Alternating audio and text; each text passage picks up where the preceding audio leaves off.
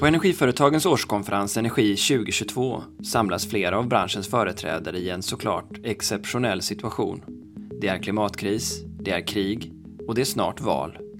I en serie korta avsnitt med centrala personer tar vi tempen på vad som är i fokus för branschen.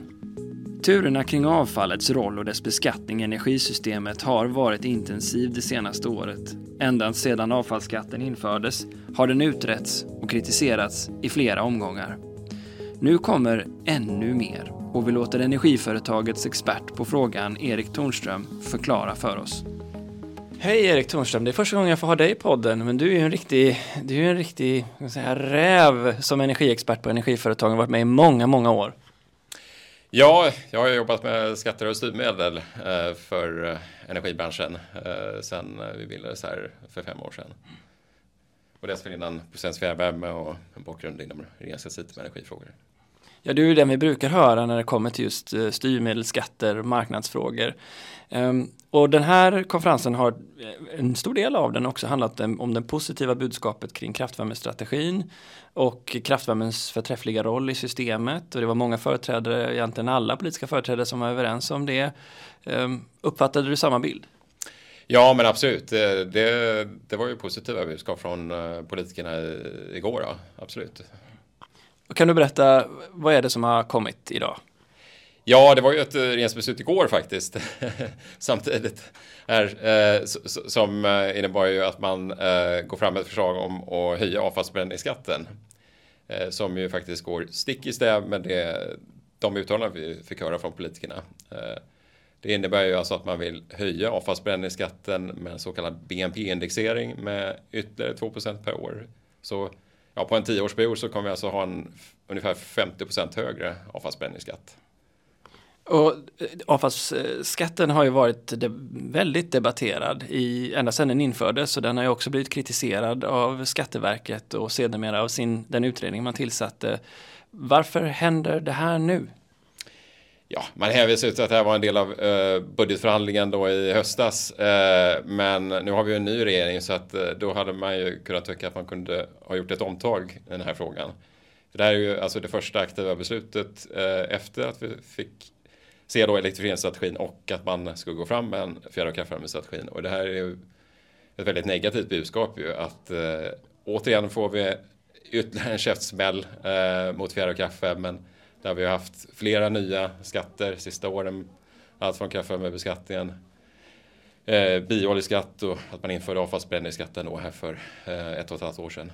Men är det här en fiskal skatt eller hur ska vi Ja, förstå? det, det är ju praktiken. Eh, det är ju det som Skatteverkets utredning också visar. Bekräftar ju alla, alla tidigare utredningar faktiskt att eh, avfallsbränningsskatten kommer inte, har inte förutsättningar att få avsedda styreffekter.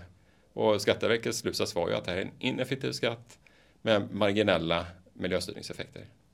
Många energiåtervinnande företag eh, ute i Sverige idag funderar ju redan med givet de höga priserna på utsläppsrättshandeln eh, för hur den långsiktiga affären för energiåtervinning kommer att se ut. Vad tror du att en sån här extra pålaga kommer få för konsekvenser? Ja, det är ju, adderar ju till eh, det här med höga hushållsrättspriser. Eh, Vi har ju haft jättehöga priser nu under vintern med upp mot 100 euro per ton. Eh, och, och, det är väl klart att signalen är ju väldigt negativ med, med en sån här skatt. Och här skickar man ju signalen att, och när man läser också lagrådsremissen från er sida, att avsikten är ju att avveckla avfallsbränningskapacitet, det vill säga avveckla planerbar elproduktion, bland annat i södra Sverige men då får du ursäkta mig om jag kanske är trög.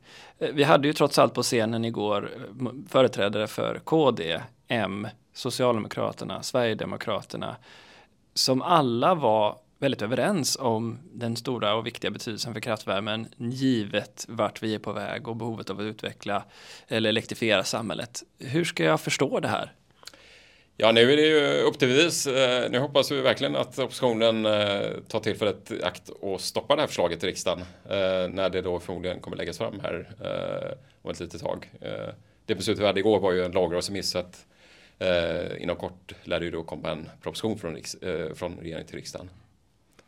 Okej, okay, så vi har inget tydligt sätt att förstå det här på eftersom det inte rimmar med det budskapet som man just har stått och pratat om när det gäller kraftvärmens viktiga roll. Eller är det att man helst bara vill se en typ av bränsle till kraftvärmen? Ja, det är ju det är svårt att förstå hur eh, tankarna gått. Det var ju en eh, minst sagt undermålig konsekvensanalys i det dokument som presenterades igår. Eh, där man ju bara i, i förbifarten refererar till att utsläppshandeln var inget man behövde beakta till exempel eh, i det här sammanhanget trots att det är så uppenbart att eh, de här anläggningarna drabbas av både avfallsberedningsskatt och eh, utsläppsrättskostnader. En sista fråga då. Som en del av elektrifieringsstrategin så finns också med att ta fram en ny strategi för kraftvärmen i Sverige. Vilken roll hoppas du att du kan ta i den, den uppgift som Energimyndigheten här framöver kommer att få tror du?